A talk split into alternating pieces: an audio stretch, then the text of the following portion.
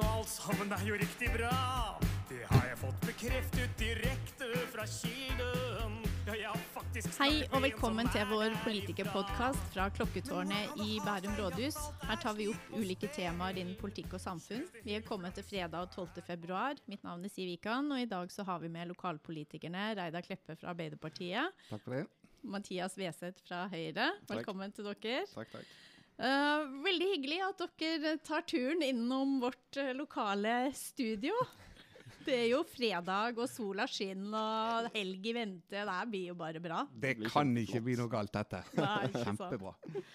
Dere sitter jo begge i kommunens eh, planutvalg. Har hatt et hektisk år på tross av pandemien. Mange viktige saker, og mange saker som uh, har skapt stor oppmerksomhet. Så vi skal inn, innom noen av de, men først så skal vi se litt på ukas nyhetsbilde og hva som har fanga deres interesse.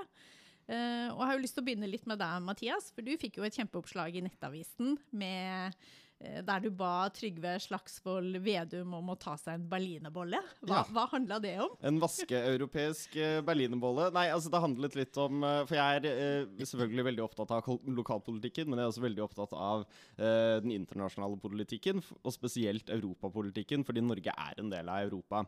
Og det man har sett i eh, den norske EU-debatten, det er at den ofte er basert på ganske eh, feil premisser. Det er veldig lite kunnskap eh, i den norske befolkningen om hva et e potensielt EU-medlemskap og hva EØS-avtalen egentlig vil innebære. Så eh, jeg tok egentlig eh, et angrep mot eh, Vedum og Senterpartiet, fordi jeg mener at de eh, baserer veldig mange av sine påstander på eh, unyanserte fakta.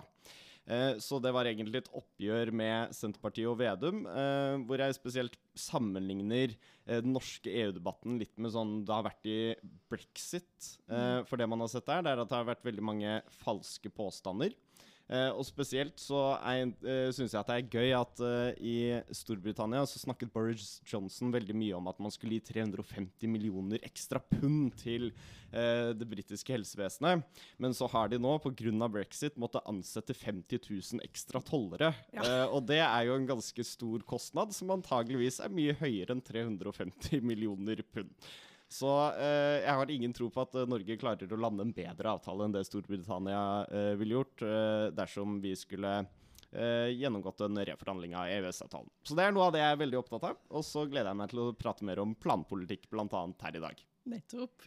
Og du da, hva har fanga din interesse, Jo, Reidar? det er jo en litt annen sak, men bare først til den EU. Vi er jo også veldig klar for den EØS-avtalen og syns det er veldig bra. Men det er det store prosjektet. Det er det som på en måte vi er opptatt av. Og der ser vi kanskje at ikke det har gått like godt i, innenfor Europa, da. Eh, jeg har en litt annen sak eh, som dreier seg om deponering av snø i Lommedalen, på Bjerkefeltet der. Der har jo denne uken eh, fylkes... Eller Statsforvalteren, som han nå heter, ja. gitt dispensasjon slik at vi kan fortsette, Bergen kommune fortsetter å fylle snø der oppe. Og, og det, Vi trenger jo et sted å, å gjøre av den eh, snøen som oppstår på veier, spesielt i tettbygde strøk. Men eh, jeg mener det at det er mange steder å fordele den, istedenfor å bruke ressurser og håper si, forurense med tunge biler og kjøre helt inn i Lommedalen. Og da snakker vi nesten inn til Tobånd og deponere all snø der. Det, det blir feil. Så å fordele snøen, dermed også fordele det som er av forurensning på et stort område, det er langt langt bedre enn å samle det rett opp der på Bjerkefeltet og la det renne rett ned i lomma. Eh, det er jo en veldig interessant debatt, dette med eh, snødeponering. Noe av det som på en måte kjennetegner eh, Bærum, det er jo at man har så mange sånne gamle gårdsveier. Jeg vet ikke om, man har, eh, om dere har prøvd å kjøre rundt eller gå på Jar noensinne? På Nedre Ja. Jar. Umulig å finne fram, fordi det er bare masse gamle gårdsveier. Og der er det jo ofte den lokale bonden, som kanskje ikke er bonde lenger, men uh, jobber ofte med å uh, måke snø. Og det er jo selvfølgelig vanskelig i de områdene hvor det er veldig tettbebygd å finne et eh, passende sted å deponere snøen. Men det som kanskje er mest interessant med akkurat denne debatten om snødeponering, det er jo at, at den kan sammenlignes litt med den store massehåndteringsdebatten man også har i Bærum. Hvor er det man skal gjøre av de store steinmassene fra bl.a. E18 og Fornebubanen? Eh, og der er jo de aller fleste enige om at man må finne et egnet sted. Eh, hvor man kan legge alt sammen. eh, og kanskje også få til noe lokal deponering på Fornebu bl.a. Men, men dette er jo en stor debatt som, som mange er veldig opptatt av. Mm. Fordi massene må jo flyttes et sted. Det er jo det, er jo, det, er jo det ene faktum. Og så er jo spørsmålet hvor og hva, hvilke konsekvenser får de forflytningen. Og det er jo der den politiske diskusjonen står, da. Ikke sant? Og så- Ja. må en se på dette over litt lengre perspektiv, og så må en også betrakte dette som en verdi. Mm. Og så må en også være klar over at det aller meste vi skal gjøre her, det er jo eh, midlertidig deponering. Mm. Det aller, aller meste her skal jo bli borte i løpet av en periode. Og det Mm. er en sånn viktig faktor. Det er jo ikke sånn at vi skal flytte store mengder med masser og la de være der for evigheter. I hvert fall ikke mesteparten. Det skal brukes, og det er store verdier for samfunnet og for Bærum kommune. Og det er jo det, det der å klare å generere verdien eh, i noe som i utgangspunktet er kanskje mer et problem. Og det, går, og det går jo eh, rett inn i det som er sirkulærøkonomien, som man er veldig opptatt av nå, og som er en eh, løsning på klimakrisen også. Man må finne ut hva man skal gjøre med, med bl.a. steinmasser. Og det er jo veldig mye man kan uh, gjøre. Uh, Reidar og, og jeg vi var jo på, på befaring på Fornebu en gang og så på denne deponeringen, og så tullet vi litt med at man kunne jo bygge et hus med disse steinmassene, da. på Nei, vi skal tilbake til stein, Steinar. Ja, men også mener jeg også har det perspektivet at én ting er volum og massene, en annen ting er hvordan vi forflytter de. Ja. Og Det er jo egentlig det som er den aller viktigste lokale biten. At vi søker å gjøre ting her som gjør at vi forflytter de minst mulig. Bruker minst mulig energi på forflytning. Og så er det rein, renheten i massene. For vi vet jo at sprenglegemet Det har i hvert fall jeg lært nå på et område jeg har ingen peiling. Der det Ja, må men, være men, plast. men i, i disse massene som vi skal bruke, eh, Mm. så er vel ikke det så stor betydning. Det er hvis vi tenker lakseberget. Sant? Og, der har vi jo Dumping i politikere- sjøen, ja. Det som blir lagt som vei, er Ikke sant? Ja, ja. Og, og, og, og der har vi jo politikere tatt tak i det, og vi har jo noen som er enda mer på hver gang. Når vi på et eller annet minutt på slutten av et møte har glemt det, så kommer jo Frp frem med dette forslaget som de repeterer. Og Ja. alle er jo enig i disse tingene her. Ja. Det skal altså ikke være plastmasser i steinmasser som bør deponeres, som, som kan lekkes ut i naturen. Det er liksom bare sånn det er. Mm. Ja. Og så finnes det, så vet vi at faktum per dags dato er at det går ikke an. Der er ikke noe spreng uh, uten plast Men, men, men det må skille mellom å ha uh, dette i steinmassene og at det kommer ut i naturen. Jo, jo men skal du sette og plukke for han, da? Nei, da? De er jo ikke store, de Nei, bitene. Men, men det, det er der jeg prøver å si da, at det er jo sånn at du deponerer på en sånn måte Ja. at den massen som er eksponert eksempel ute i sjøen, holdt, er ren. ja. Ja. Så det som ligger stabilt i steinmassen i bunnen av fyllingen, er jo ikke noe problem. Da, det- da løste vi det. kan vi move on? Men vi har jo en annen sak som også tar litt oppmerksomhet, og da går vi jo, beveger oss jo litt inn på, på deres område, planområde, og Nadderud stadion. Mm.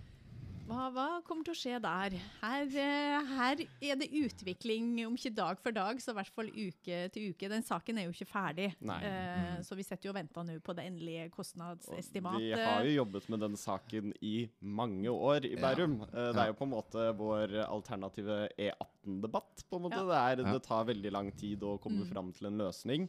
Eh, og selv så vokste jeg jo opp på Bekkestua um, har vært på Stabæk-kamper på Nadderud stadion. Og jeg er jo veldig opptatt av at eh, Stabæk og Bekkestua skal få et sånt ordentlig idrettsanlegg. Mm. Eh, men så er det noen diskusjoner om hva, hvordan skal man få til finansieringen om det. Uh, og det er ganske vanskelig, uh, fordi det koster veldig mye penger. Og vi vet at Bærum har en uh, presset økonomi. Eh, og spørsmålet er jo hvordan man også skal klare å inkludere næringslivet i, i den nye Nadderud stadion. Og så er det da et spørsmål skal man ha inn dagligvareforretninger på, på denne, disse oppgraderte arealene, eller, som kanskje da ville tatt fra Bekkestua, eller skal man ha andre andre typer næringer der, og det, det er et uh, vanskelig spørsmål. For vi vet jo alle at Og jeg tror også Arbeiderpartiet er enig i det grunnleggende, at man ikke kan bare vedta at det skal oppta, oppstå øh, bedrifter et sted. Nei, nei og, og det er mange spørsmål som Mathias er inne på her. Eh, det kanskje vi er mest opptatt av akkurat nå, det er at vi skal ikke forhaste oss her. Dette er en stor beslutning. Eh, vi skal ikke ha noen gjentagelser av noen andre ting vi har gjort før. Dette må vi gå inn i. Noen no, ting noen andre har gjort før. No, no, ja, det kan du si, men, men vi, vi har jo fortsatt ringvirkninger av, av disse. eh, For, så det som er viktig nå, er at vi tar oss den nødvendige tiden vi trenger for beslutningen her. Og, og Arbeiderpartiet er veldig opptatt av at det skal skapes en god stadion for eh, fotball på Nadderud i en eller annen form. Det vil det komme. Det vil uh, komme før eller siden, men nå må vi også se på hvordan vi skal gjøre det, når vi skal gjøre det. Og vi må jo også være klar over at vi er jo bebudet en, en 15 eh, reduksjon i investeringsbudsjettet. Og hvis vi nå ender opp med å måtte velge mellom å bygge Nadderud stadion eller å la være å bygge en skole eller en barnehage, så må vi ha det med oss. Så vi er nødt til å se igjennom investeringsnivået her for Nadderud. Og så er vi helt tydelige på at vi ønsker en stadion der det er eh, så store sitteplasser. Og, altså da 8000 pluss, slik at vi får en, en, en god stadion der vi kan ha elitespill og landslagskamper på kvinnenivå og for så vidt også på herrenivå. Men det har vi jo en, en nasjonal arena. Men allikevel så kan vi få mange gode eh, høynivåkamper, Ja. Også i et bredt spekter. Ikke minst at man kanskje får til Champions League dersom Stabæk klarer å Ja, kvalifisere seg Ja, gang. Helt klart. Ja. Så er, er vi opptatt av at, at dette Nadderud skal være en stadion for hele Bærum. Så Ja. hvem som eh, håper si, ender i Champions League der, enten det er, er, er Stabæk eller det er Bærum Sportsklubb. Det, det er ikke vi så opptatt av. Eh, Her må det kunne spilles, ja. og det må være For det her blir jo en, Ja. eh, en, en stadion i kommunal regi, og ikke som eh, Telenor Arena. Du sa det ikke, men jeg vet jo det var. Ja, det er Så her riktig. skal vi ha hånda på rattet. Så Riktig, vi, og, og vi det, gjør det er noe sammenheng med det Ja. næringsjournalet som var inne på her. For Ja. det er en måte å miste eh, hånden på rattet, i hvert fall ta av én. Jeg tror det er viktig at vi nå tenker oss om, gjør dette riktig, gjør det på rett tidspunkt. Om det blir en forskyvning Der er 140 millioner så vidt jeg husker avsatt i år Mm. på Nadderud, og 240, 250 i år og 240 neste år. Det er mye penger. Det er omtrent de 15% som vi trenger å spare på, eh, Ja. på en investeringsbudsjett. Men så er det jo sånn, for at når du ser overskriften, så er det liksom 600-700 millioner, og så tenkte man oh my god, skal man bruke så mye penger, ref den situasjonen vi står i. Men det er jo en faktor til, og det er jo veldig riktig modell. Så Ja. kan vi jo få tilbake ca. 200-250 Tippemidler, kanskje. bomskompensasjon. Ja, ja. Så, så det viser jo bare kompleksiteten i Mm. prosjektet, men at det er viktig, som du sier, ta den tida, sånn at vi tar de riktige valgene, Mm. Ja. sånn at vi får mest u igjen for pengene, og i hvert fall får tilbake det vi kan få tilbake. Ja. Ja. Så da blir jo bildet litt annerledes. Ja, da, det blir jo ikke så det er ikke de eh, 700 dra- millionene, det er Nei. det ikke. sant? Men, men, men allikevel så er det, hvis vi sier halvparten og litt til, Ja. så er det allikevel mye penger. Det er Ja, absolutt. det er men, 15% det er jo, av men så er det jo ikke bare ny stadion, det er jo oppgradering av hele området. Ja. Eh, man snur opp, og det er jo et litt vanskelig grunn. grunn. Det er litt mye leire der. Om det ikke er kvikkleire, så er det i hvert fall leire som gjør at de forholdene Men det, det blir jo en betydelig forbedring av Mm. hele området, pluss bredden. Ja. Ja, da, så det, det, det som ligger av planer nå, er jo noe som vi eh, er veldig enig i. Ja. Og så må vi på en måte kanskje bare ikke rushe oss inn i det. Og det følte vel vi vi ble litt nå på det siste som kommer Mm. opp nå, hvor en liksom skal frem en, en, en, en anbudskonkurranse nå. Litt, litt før en føler at en er moden til å beslutte. Ja. Mm. De tilbakemeldingene som jeg får, jeg bor jo også på Bekkestua, så jeg får jo, får jo sånn telefoner innimellom, og da går det jo på det her. Skal, skal vi ha en konkur... Altså skal det være et sånn minisenter der, Mm. av næring? For man tenker egentlig butikk med en gang. Ja. Men det som jeg sier, med tanke på det, alt som skjer på Bekkestua, og si, de bygger med butikk Mm. i første, så nei, det er jo ikke det som er intensjonen vår, så at du skal ha et minisenter opp på Nadderud, men det er jo mange, altså næring er jo så mangt. Ja, det kan altså, jo det være kan et være- helsehus, ja, det kan jo være alt Og aller helst det, kanskje. Altså, hvis Ja. man hadde fått til noe, eh, en samlokalisering Ja. av veldig mange helsetjenester, private også, på, Ja. på Nadderud stadion, så hadde jo det vært uh, alfa og omega. For da kan du jo få den synergien med Ja. idrett, for du har jo NTG, altså du har jo et skolemiljø som man Ja. kan få det- noe Det er jo det som har vært ønsket fra de utviklerne, at de ønsker Mm. eh, et kompletterende næringsvirksomhet Ja. rundt idrettsanlegget. Og, og det er jo det det må være. Uh, Ja. Og, ikke, og i hvert fall ikke konkurrerende, men kompletterende. Ja. Men jeg tror det er litt viktig at vi får ut det budskapet. For jeg tror Ja. mange ser for Du hører en ting, du hører næring, og så ser du for deg butikk. ja. Men, men eh, Det behøver det ikke her være. har vi en liten jobb å gjøre som Ja, men, men næring er jo butikk, og, og, Ja, og det er butikk i idrett. eh, Det er jo på en måte mange ting som, som kan møtes her, og som kan også skape eh, konflikter. Men, men det hvis en får Mm. Men vi tenker godt ikke ja. senter. Nei. Nei. Nei. Da er vi enige. Da er vi Ja. Det, vi, Arbeiderpartiet og Høyre er ofte enige i plansaker, vi. Altså. Ja, nei, det skjer det av Ja. og til. Ja, nei, men det er bra. Men uh, vi får håpe at vi, vi kommer oss videre. Som sagt, den saken har vart lenge. Men eh, dere er jo opp, vi har jo et annet som også slo. Vi kommer oss ikke ut av. Det har vært så mye. Det er jo den RSA-en på, Ja. på Ila, der eh, staten, eller departementet, nå gikk for det alternativet som Bærum ikke ønska. Ja, Eh, De gikk for sør, og vi hadde lagt inn uh, på nord. Ja. Og det er, eh, det er jo kjempesynd, for det er jo uh, om lag eh, 30 boliger uh, 32 boliger, ja, ja. ved Sør-alternativet. Ja. Og em, selvfølgelig for de menneskene som bor der, så er jo dette en veldig vanskelig sak. Og det vi håper på nå, det er jo at eh, de skal få avbøtende tiltak fra, fra regjeringen bl.a. Og eh, det håper jeg også de gjennomfører, for nå, hadde, nå var vi ganske langt på vei til å få til dette nordalternativet, men så går de for søralternativet likevel, og det, det er veldig synd for de som bor der. Men det som jeg synes at denne saken minner litt om, om den eh, på Brekkeski. Altså det, her er det også, eh, Regjeringen er jo veldig opptatt av LNF-området. Og nå er jo ikke eh, Reidar fra Venstre, men jeg har jo notert meg at Eirik Bø, bl.a. fra Venstre, planutvalgets leder, var veldig, opp, eh, veldig opptatt av at det skulle være Nordalternativet, selv om det er på et LNF-område. Men da ser liksom ikke altså han, eh, Det virker som at Venstre ikke her klarer å helt sammenligne dette med Brekkeski, for det er jo egentlig litt like saker, bare at på Sør-alternativet så har man noe som er veldig nærme naboer. Så, så mm, eh, man kan sammenligne det med flere andre debatter, og det, handler, det går veldig mye i det vi er opptatt av i Bærum, og det er bl.a. LNF, men, altså det som er landbruksområder, men også Eh, at det da med Sør-alternativet vil ligge så tett oppå naboene, og så håper vi at de får avbøtende tiltak.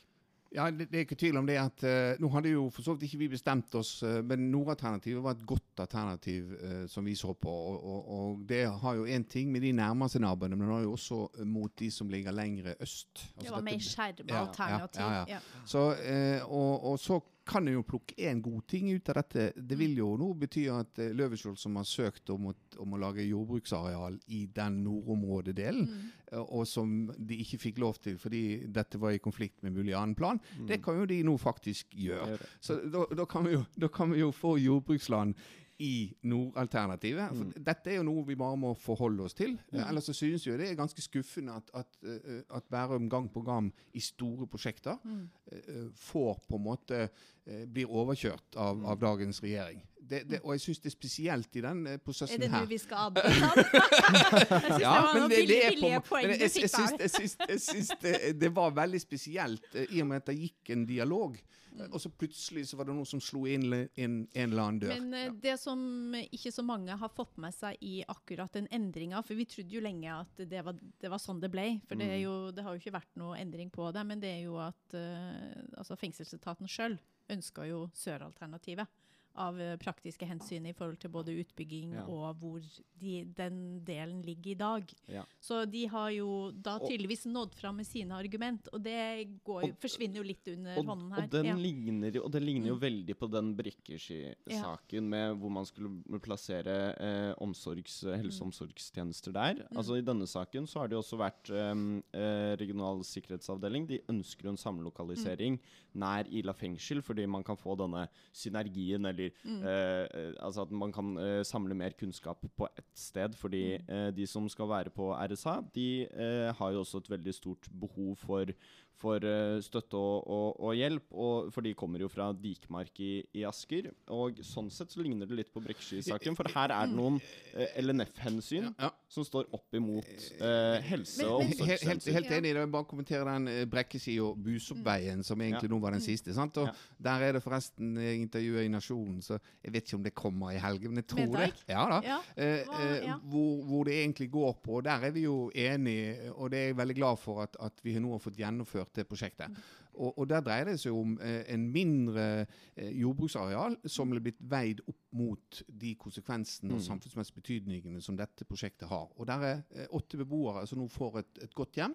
Og, og der, der, Det er veldig godt at en ser at de holdt på å si, store partiene står det Mm. løpet ut Mm. og, og tar den riktige avveiningen. Og, og Nå får vi se hva som står i Nasjonen, men, men jeg syns egentlig ikke det kom så verst. Du vet ikke frem. hva du har sagt? Jo, jeg, jo da, jeg har fått et sitatsjekk, og, og hvis, det, hvis det blir faktum, at de tør å trykke det, så, så, så kommer det faktisk veldig godt frem eh, hva Mm. som er våre poeng her. Uh, vi, og, og da er vi kanskje litt inne på en annen sak, dette med vanskeligheter i planutvalget. Ja. Det er en del va vanskelige avveininger som vi må gjøre, eh, og, og, og her er en av de. Eh, Det er altså viktig at totalheten Mm. i samfunnet tas hensyn til. Og så eh, eh, har jo vi alltid ment at det skal, og hvis vi hadde fått på plass en jordvernplan, så hadde vi altså hatt en omfordeling av denne jorden på en mye tydeligere måte. For, ja, for det er jo litt for, for ofte så hører man å, det var en vanskelig plansak. Ja. Men jeg tenker for den vanlige innbygger som ikke sitter med sånn daglig insight i politikken, så er det sånn hvorfor, er en sak vanskelig? Ja, altså- kan vi, skal vi utdype det? Skal vi reflektere litt Ja, rundt det? Hva altså- gjør en plansak vanskelig, Nei, Mathias? altså jeg har jo møtt på dette på en, eh, på en veldig overraskende måte. Eller, altså jeg startet jo i planutvalget i 2019, og det var min, dette er min første periode i kommunestyret også som folkevalgt. Og det å bli kastet ut i planutvalget du var på dypt vann, ja. Ja, det var eh, da, da jeg fikk den greier seg telefonen og ble spurt om jeg ønsket å sitte i planutvalget, da ble jeg litt sånn Oi, er ikke det veldig komplekst? Er ikke det veldig vanskelig? Ja. Er det egentlig så gøy? ja. Og så etter eh, litt over et år nå, så har jeg skjønt at planutvalget er noe av det mest spennende Mm. og noe av det eh, morsomste man kan drive med innenfor lokalpolitikken. Mm. Eh, men det er veldig vanskelig. Og det er vanskelig fordi én ting er jussen i det hele, det, og sakspapirene. Mm. Lovverket. Ja. Ja, og lovverket og sakspapirene. For sakspapirene eh, til noen av disse sakene er jo på flere hundre sider. Og når man ser på ett møte, så er man kanskje oppe i 1000, Mm. sider med saksdokumenter. Og det alene gjør jo det å sitte i planutvalget eh, vanskelig, fordi det er veldig mye å holde eh, styr Mm. på. Men så er det denne jussen i språket også som kan være vanskelig. Eh, men ikke minst fordi det er noen eh, hensyn som man må veie opp mot hverandre. F.eks. dette med eh, bussoppveien. At man må veie opp eh, helse og omsorg mot, eh, mot miljø og, og landbruk. Eh, men det kan også eh, handle om presedensvirkninger. Altså, mange av de sakene, og noen av de viktigste sakene vi egentlig jobber med, det er jo ofte klagesaker. Hvor innbyggere i Bærum klager på at eh, naboen har gjort gjennomførte tiltak, eller så er det noen som klager på at de ikke har fått dispensasjon for uh, et tilbygg f.eks.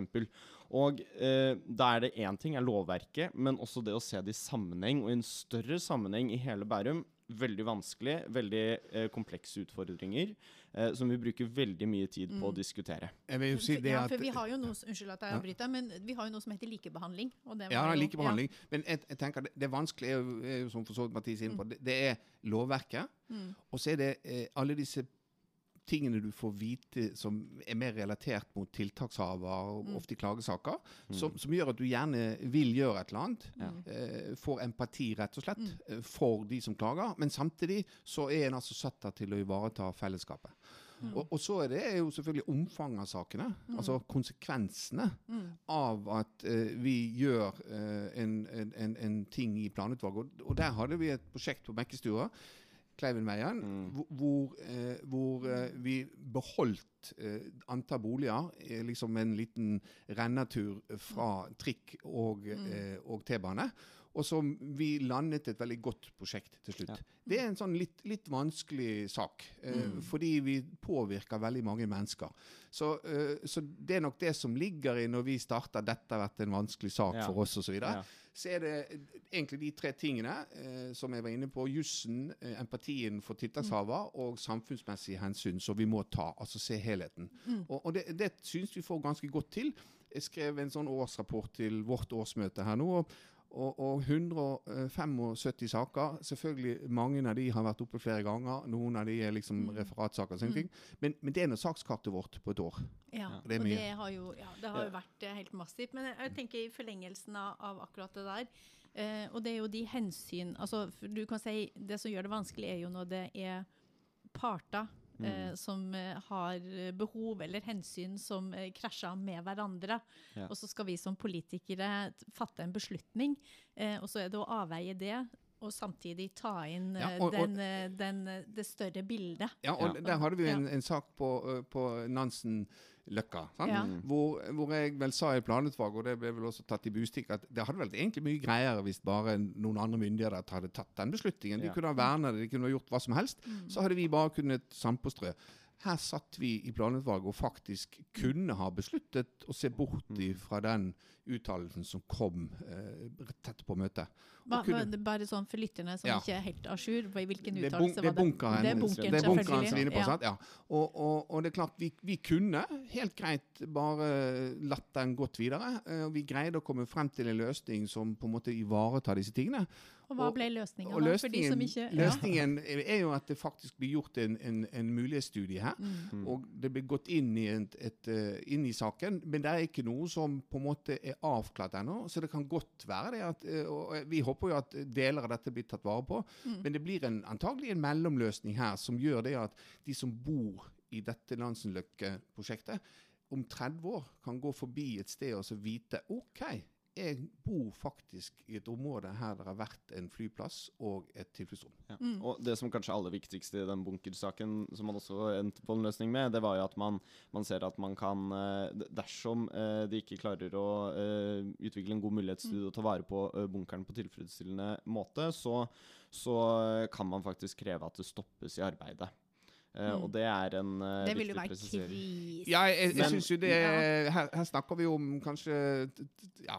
Vi snakker 600 boliger, ja, gjør vi ikke det? 1200 Ja. mennesker. Ja. Ja. Men man kan si stopp for akkurat det kvartalet det gjelder. Men- 1200 og det er- og det er- og- Men skattebetalere. kanskje, men kanskje vi kan gjøre den bunkeren til en severdighet?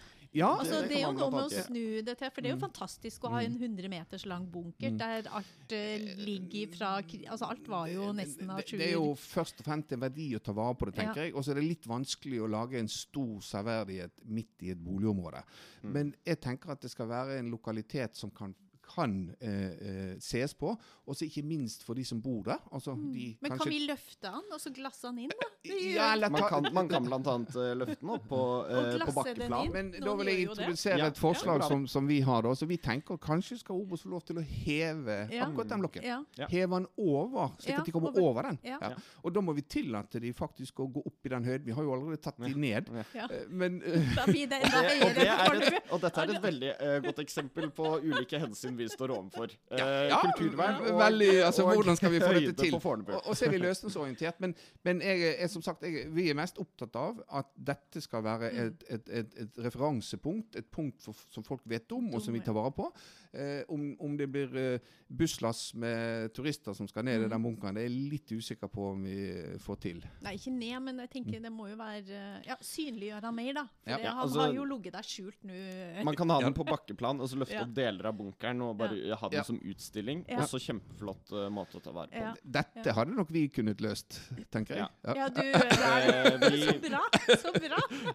Vi tre kan jo bli eh, Ja. riksantikvarer. Ja, ja, ja. si. Men, men som sagt, det letteste hadde jo vært at noen andre bare hadde tatt en avgjørelse. Så kunne vi sittet i planutvalget, referanse, vanskeligheten Og med bare å sitte der. sette Ja, så- ja, pekefingeren ok, på noen sånn andre. det. Ja, ja. det var, Og ta to våre hender. Uh, Ja. Ferdig med det. Men det er jo det enkleste sak i verden. Ja, ja. Det er jo Ja. å slippe å ta Men- beslutninger. Ja. Ja, for det er jo ofte sånn at det er, eh, det er jo nettopp det. Noen ganger så møter vi på saker hvor vi har muligheten til å ta sånne Mm. beslutninger, mens andre ganger så blir vi på en måte overkjørt av andre myndigheter, og det, det er noe av det som gjør det å sitte i planutvalget ganske vanskelig. Det, Ja. altså. Mm. Og så er det jo litt frustrerende når man har brukt mye ting. Jeg tar RIF, den der eh, RSA-en. Mm. Brukt så mye Ja. tid over så lang Ja. tid og vurdert frem og tilbake og hit og dit, og Mm. så land, klarer man å lande noe i, i si, fortrolighet med naboer og området osv., og, så videre, og så får man en sånn Men, vinter. men, men det er jo åpenbart store Ja. samfunnsmessige årsaker her til Ja at da. vi gjør den beslutningen. Også timingen av det. Det er viktig, det er nok, nok noe der også som er Ja. viktig, at de får tatt beslutningen. Mm. Men,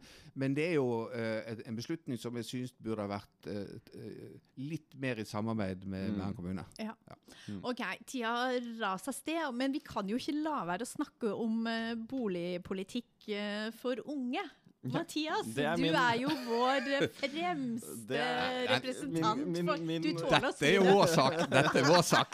Vi lar Mathias få den. Som Ja, vær så god, han kan som jeg har sagt eh, tidligere, Reidar, det kan gjerne være deres sak, men det er vi som har løftet den i planutvalget. Men, eh, men Ja, det var du som først hadde første innlegg. Det er Ja, riktig. Ja, eh, men men altså dette med boliger for unge, man må kanskje starte med problembeskrivelsen. Hvorfor er det viktig? Og mange vil jo tenke at ok, er det egentlig en rettighet å bo i Bærum?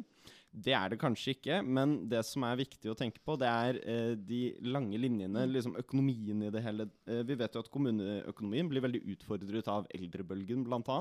Det vil gjøre at vi får eh, mindre skatteinntekter fordi det er færre folk i arbeid. Og Derfor må vi eh, gjøre en jobb for å få flere unge inn i Bærum som kan skatte til kommunen også. Og eh, jeg er jo ikke for økt skatt, men har vi flere unge i kommunen, så er det også flere som kan gi skatteinntekter til kommunen. Og så er det veldig viktig at man har mangfoldige bomiljøer. Noe av det eh, man har sett på Bekkestua det er jo at eh, det er mange eldre som bor der, og at det kanskje gjør at Bekkestua ikke er et så attraktivt område å, å være på. Det syns jeg er synd. Jeg har jo vokst opp der selv. og... Verdens beste sted. Ja, altså det er, jo, det er jo et flott sted, men, men, men jeg kunne gjerne ønske at det var enda mer ungdommelig aktivitet da, Ja. på Bekkestua. Og det tror jeg mange også kjenner seg igjen i. Og for å få til det, så må man også få til en miks av boligtyper, bl.a. på Bekkestua og i Sandvika. Og noe av det vi har løftet uh, fram, vi i Høyre i planutvalget, det er jo nettopp det at man stiller krav til utbyggere om å bygge flere små leiligheter. For uh, det er, måte, det er vanskelig å komme fram til en løsning for å få ned boligprisene i Bærum. Det er jo nesten umulig. Men det man kan gjøre, altså det eh, unge folk som meg ønsker, gjør når vi skal uh, gå ut og se etter bolig på boligmarkedet, det er å gå inn på Finn, og så sorterer vi um, ut ifra lavest pris til høyest pris. Ikke per kvadratmeter, men totalprisen. ja. Det er den som teller. Og kvadratmeterprisen kan vi kanskje ikke gjøre så veldig mye med, men vi kan gjøre noe med totalprisen. For det er det som betyr noe for oss som er unge. Og derfor så eh, er små leiligheter en veldig god måte å få inn flere unge på. Ikke de som nødvendigvis skal stifte familie og sånn, men de som ønsker en første inngangsbillett på boligmarkedet. For da blir eh, prisen per leilighet lavere. Dette var jo det som, som eh, vi har sett eh, Mathias tok opp i planutvalget. Og mm. når han hadde sagt, sagt det, så sa jeg umiddelbart at dette var veldig positivt. Dette er en vei i riktig retning. Eh, og så er det jo da en gang sånn at eh, vi har ikke helt troen på at det vil føre helt frem. I dag, i morges på Politisk kvarter så var det en, en flink statsråd som refererte til at i dag er det to av ti som jobber innenfor helsesektoren. Vi må forvente at tre av ti skal kunne jobbe der. Og det er de vi må bygge boliger av. Og da hjelper det egentlig ikke å bygge små boliger. Det er for dyrt allikevel med de kvadratmeterprisene som er her. Da blir det veldig små boliger, og de blir så små at en faktisk synes syns at dette ikke er noe sted vi skal bo i nå. Vi skal bygge ordentlig bolig. Ja, ja, men, men, eh, og, og da er det sånn det at det å skaffe boliger til de som skal jobbe rundt oss, det er det viktigste for oss. Vi vil gjenreise mer den bolig for folk flest. Og da snakker ikke vi om folk flest med høy inntekt i Bærum, vi snakker om folk flest som kan flytte til Bærum og skape og jobbe for oss i Bærum. Ikke pendle fra nabokommuner og områder utenfor. Og da snakker vi plutselig om sykepleierindeksen. Og det er jeg helt, jeg er helt enig i at uh, man skal uh, bygge boliger som gjør at uh, de som f.eks. jobber innenfor helsesektoren, kan bo i Bærum. For hvis man ønsker de beste hodene og de flinkeste folka, så er det jo også naturlig at de kanskje kan bosette seg i Bærum. Men jeg er litt uenig i premisset som eh, Reidar legger her, og det er jo at han mener at man ikke får til noe ved å eh, bygge små leiligheter. Men jeg mener det motsatte, for det er jo nettopp totalprisen det handler om. Hvor eh, hvis totalprisen på en leilighet er to millioner istedenfor tre millioner, så er det en god ting. De gjør en lettere inngangsbillett for, for unge. Og så er det jo sånn også at tilbudet av små boliger i Bærum, små leiligheter, er såpass lav. Det er 2% av de leilighetene som selges i Bærum i dag, som er i størrelsesorden 25-40 kvadratmeter. Og de boligene, hvis det er såpass få av dem, så vil jo etterspørselen være altfor høy i forhold til tilbudet av disse små leilighetene. Og da driver man prisene opp i budrunder, og det blir altfor dyrt fordi etterspørselen er høyere enn tilbudet. Men jeg tror noe det, det der er en stykke på vei, Mathias. Men jeg tror nok at hvis du ser på virkeligheten, så er det jo sånn at en sykepleier kanskje har 500 600 000, og det betyr 2,5 millioner. Litt enkelt nå kanskje bare 2 millioner hvis en tar de feil regnestykkene. De skal ha andre ting, de skal ha bil osv. Og det betyr det at uansett hva en gjør der, så er en fortsatt ikke innafor. Altså markedet får ikke til det i Bærum. Det er for høye priser. Og det er der vi nok må gjøre noe større. Ja. det er der vi mener at kommunen og Bærum kommune må faktisk gå Men, aktivt men det, dere er vel inne på to spor her. Det Ja. ene er jo første inngangsbilletten som Mathias er inne på. Da trenger vi ikke så mange kvadrat. Og Oslo Ja, men eh, har jo veldig mange men, små men det er jo, ingen, ingen leiligheter på Bekkestua som vil komme under tre millioner, tror jeg. Nei, for det, vi snakka 100 000 per kvadrat. Men, Men- men, får du og- 35 kvadrat, så har du Ja, 3,5 3,5 millioner. Ja, men det er ingen sykepleiere som har råd til det. Nei, men det, dette her er Jo, det- nå, nå må vi prøve å se det i litt større sammenheng igjen. Fordi eh, Vedtar man at det skal være små leiligheter på Bekkestua, isolert sett, så gjør jo kanskje ikke det noe med boligprisene i hele Bærum. Nei, Men hvis det. tilbudet av små leiligheter er stort nok over hele eh, Bærum, så slipper man disse høye boligprisene på små leiligheter, fordi tilbudet i Bærum vil være større. Og da slipper man de store mm. budrundene hvor prisene eh, galopperer. Og vi vil jo ha flere unge. Ja, Ja, og, og og- ja. dette er en god steg på veien. Og det som er blitt endret nå, er det at den har gått fra inn til, til minst 20% Og der har det skjedd en ting. Ja. Det tror jeg er en god ting, og det kan jeg faktisk tror jeg, takke Mathias for at den bevegelsen har vært. Det er en viktig del av det hele. Det er en del av det, men allikevel så mener vi at Bærum kommune må gå inn og skape boliger. F.eks. den muligheten vi hadde hatt på Avtjerna. Der kunne vi ha fått det til. Hvis vi hadde greid å fått inn en stasjon der, så kunne vi ha skapt et boligområde fra et bunn av, hvor det virkelig kunne ha vært et godt boligområde, som kunne endt opp sånn som Rykken er blitt i dag. Ja. Og, og det og selvfølgelig, altså, eh, det vi er inne på, det er jo at én ting er hva Bærum kommune alene kan gjøre. Altså Bærum eh, kommune alene kan f.eks. Uh, kreve at det blir sm flere små leiligheter. Men hvis man skal se litt større på det, for boligprisen i Bærum blir jo ikke bare bestemt av hva vi i Bærum gjør. Nei. Boligprisen i Bærum reguleres jo av hvordan det er i hele Oslo-regionen. Og jeg leste en eh, artikkel nylig hvor ehm, eh, Oslo Met har utført en, en eh, studie som viser at dersom det ble bygget 10 000 boliger i Oslo, hvis det ble regulert 10 000 boliger i Oslo, så ville man klart å redusere prisene i hele Oslo-regionmarkedet med 10 eh, Og så er det jo da synd at eh, byrådet i Oslo eh, ikke regulerer nok boliger. Eh, og så gi en liten hilsen Så kan sikkert deg Ja, gi en liten ja, ja, hilsen hjem, ja, men, men man må se litt større på Det, det som mangler i det regnestykket der, det er at hvis du øker boligveksten så mye, så vil jo på en måte utbyggerne her tjene mindre penger, og da vil de redusere eh, aktiviteten. Så Men- det er noe her. Men, men jeg tror det, dette er en veldig eh, god, god ting på veien, å å de sitter, som vi har gjort en del i planutvalget i det siste.